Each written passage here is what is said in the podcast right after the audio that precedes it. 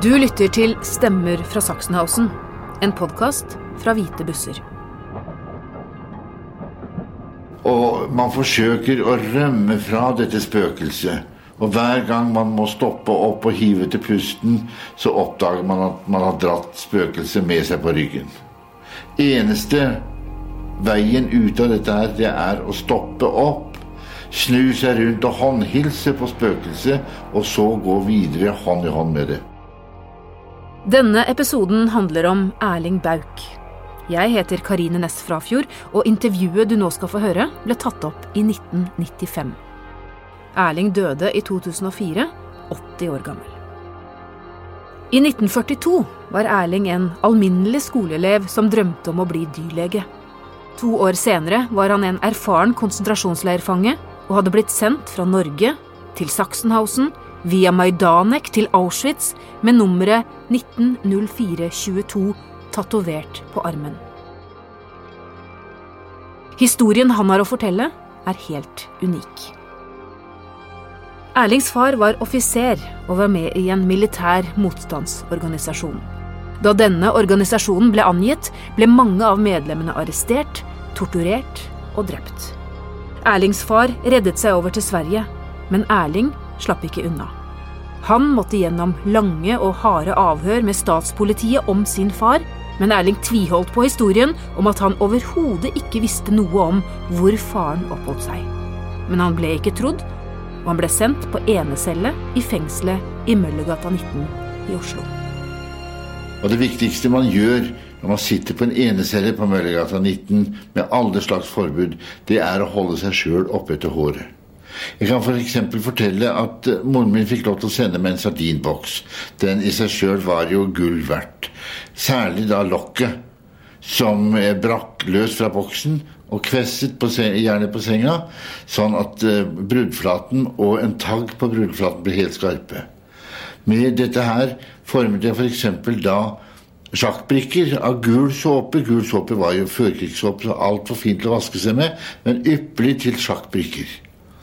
Så fengselshåpa, den grønne, ble til svarte sjakkbrikker. Og den gule til hvite.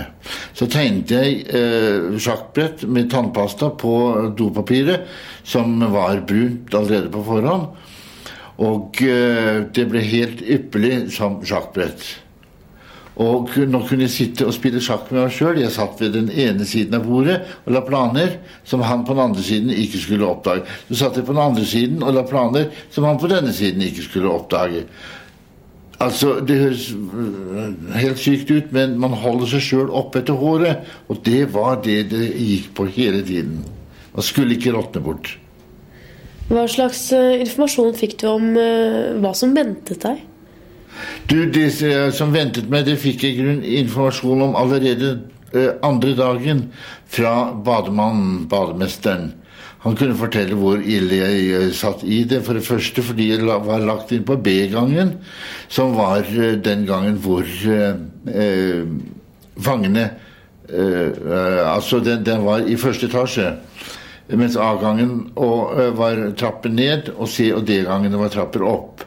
Og eh, Eh, I og med at jeg åpenbart skulle i skjerpet forhør, så måtte vaktposten vaktpostene eventuelt bære opp eller ned trapper hvis jeg lå inn andre gangen. Og derfor ble jeg lagt på B-gangen. Og på enecelle, og det vil altså si at jeg skulle isoleres totalt. Og så med en rød lapp på utsiden av celledøra hvor det sto 4E2, spionasje og hjelp til fienden, som var den verste gruppen Gestapo hadde. Det var hva som ventet meg. Etter oppholdet på Møllergata 19 ble Erling sendt til Grini, og derfra videre med slaveskipet Donau til Sachsenhausen i Tyskland. I konsentrasjonsleiren Sachsenhausen utenfor Berlin var det mange norske fanger, og de merket snart at de var i en beskyttet særstilling fordi de var germanere og ariere. Tyskerne var kjent for sin rangering av individer, og germanerne var høyt oppe på listen. En veldig viktig ting, det høres helt latterlig ut, men det var tyskernes rangering. Og samtlige tyskere, det var bare 10, av dem, 10 av dem som var nazister, som var nazister men Alle tyskere var overbevist om at deres rangering var den eneste riktige. Den var innført av nazistene, og den gikk på at på det øverste trinet i rangstigen sto nesten alt av tyskere. Unntaket var tyske jøder, homoseksuelle og sigøynere. Så på neste trine kom andre germanere, altså nordmenn, svensker, dansker hollendere. Og så kom ridehester og schæferhunder. Så belgiere, franskmenn, eh, spanjoler, portugisere, italienere, griser, grekere, uh, ukrainere, nei, russere, ukrainere og rotter, jøder, sigøyner uh, og homoseksuelle. Så nordmenn hadde det relativt greit i dag? Ja, vi var nesten mennesker. Vi var så menneskelike at vi fikk la håret vokse ut igjen etter den første snauklippingen. Og altså med andre ord, Dette her var jo et signal til SS-folkene at her kommer et menneske. Selv om de fleste nordmennene hadde det bedre enn andre i leiren, var hverdagen tøff. Det var hardt arbeid og lange dager. Erling jobbet som gartner den første tiden. Senere ble han snekker og spikret ammunisjonskasser. Men det vi var redd for i Sachsenhausen, det var å bli sendt på transport. For Sachsenhausen var et uh, depot for arbeidskraft. Og da var det særlig der hvor det var uh, krigsindustri i forbindelse med en leir uh, som var veldig utsatt fordi det var mye bombing. Det var hardt arbeid, det var livsfarlig arbeid med gasser og med sprengstoff.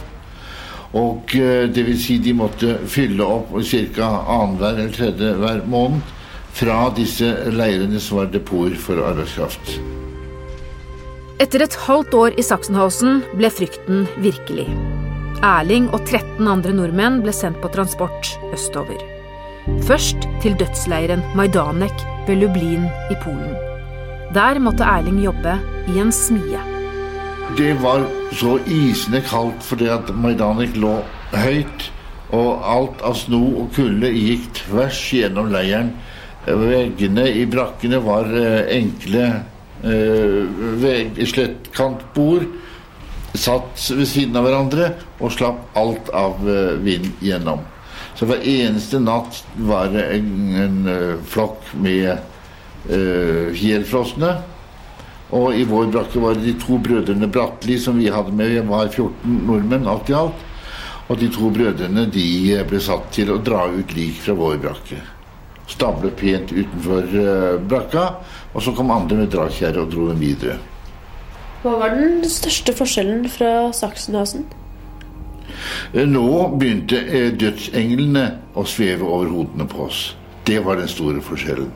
Allerede mens vi lå der ved mottagelsesbrakka, altså sånn isolert fra resten av leiren, så fikk vi beskjed om å kle oss nakne og gå over uh, appellplassen, stille opp foran kontorbrakka og vente på uh, legeundersøkelse. Og den legeundersøkelsen som omsider kom, den besto i at han kastet et blikk til høyre og et til venstre. Og for å se om alle var brukbare som arbeidskraft fremdeles. Hvis ikke så var det å renske dem ut. Men det skulle bli enda verre. Fangene skulle videre, og ble drevet ut av leiren til fots. Det var en marsj til fots i den grad at jeg hadde ikke engang to føtter. For at jeg fikk en vannblemme under den ene foten pga. at jeg hadde tatt på meg uh, filttøfler. Og så første kvelden fikk vi det eh, første snøværet på Nei, regnværet på hvert fall eh, to-tre uker. Alt det var så tørt, så filttøflene var det eneste riktige å ha på føttene. Men ikke akkurat da, eh, de egnet seg ikke som sjøstøvler. Så den ene gikk i oppløsning og etterlot et, eh, en vannblemme som dekket hele fotsålen. Og selvfølgelig skal jeg løpe barbent opp på grusveiene, så flakner huden av, og så begynner å tråkke inn sand og grus og stein. Og øh, prøvde da å spare det, øh, den foten. Det var jo så skjærende vondt. Så eh, prøvde jeg å løpe på det venstre benet og så stake unna med det høyre. Men så kom det høyre kneet i så gæren stilling. Så begynte det å hovne opp, og verre og verre ble det. Veldig mange måtte gi tapt på den uh, dødsmarsjen, men du holdt ut. Hvorfor det? Nei, jeg var rett og slett for sta til å legge meg ned og, og gi opp. Eh, vi kom omsider til Wisła, altså hovedelven gjennom uh, Polen. Der prøvde jeg om jeg hadde krefter til å velte meg over rekkverket, men det hadde jeg ikke. Men tenk om en behjertet fyr hadde tatt tak i det andre beinet og vel, vipet meg over. Jeg ville ha foldet hendene i takk på veien ned. Eh, det var det ingen som gjorde.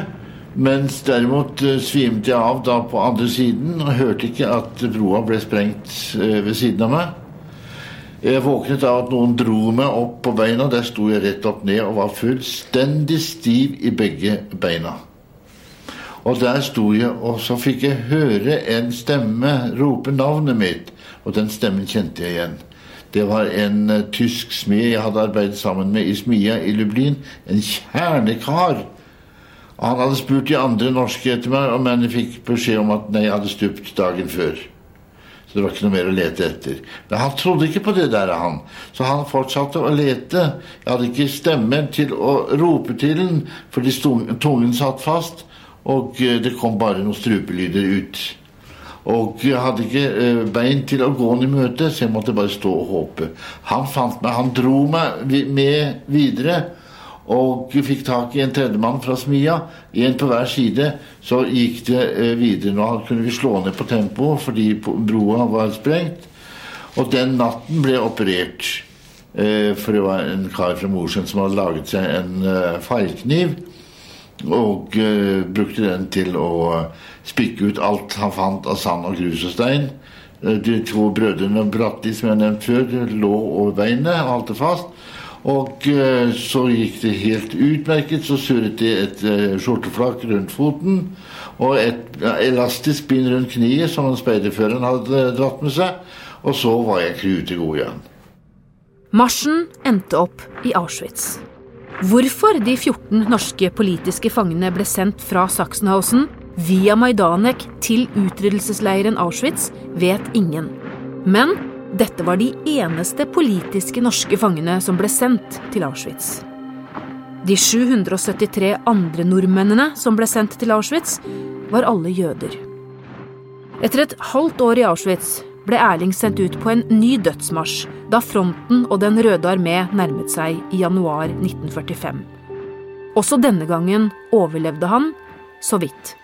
Han endte opp i Mauthausen ved Linz i Østerrike.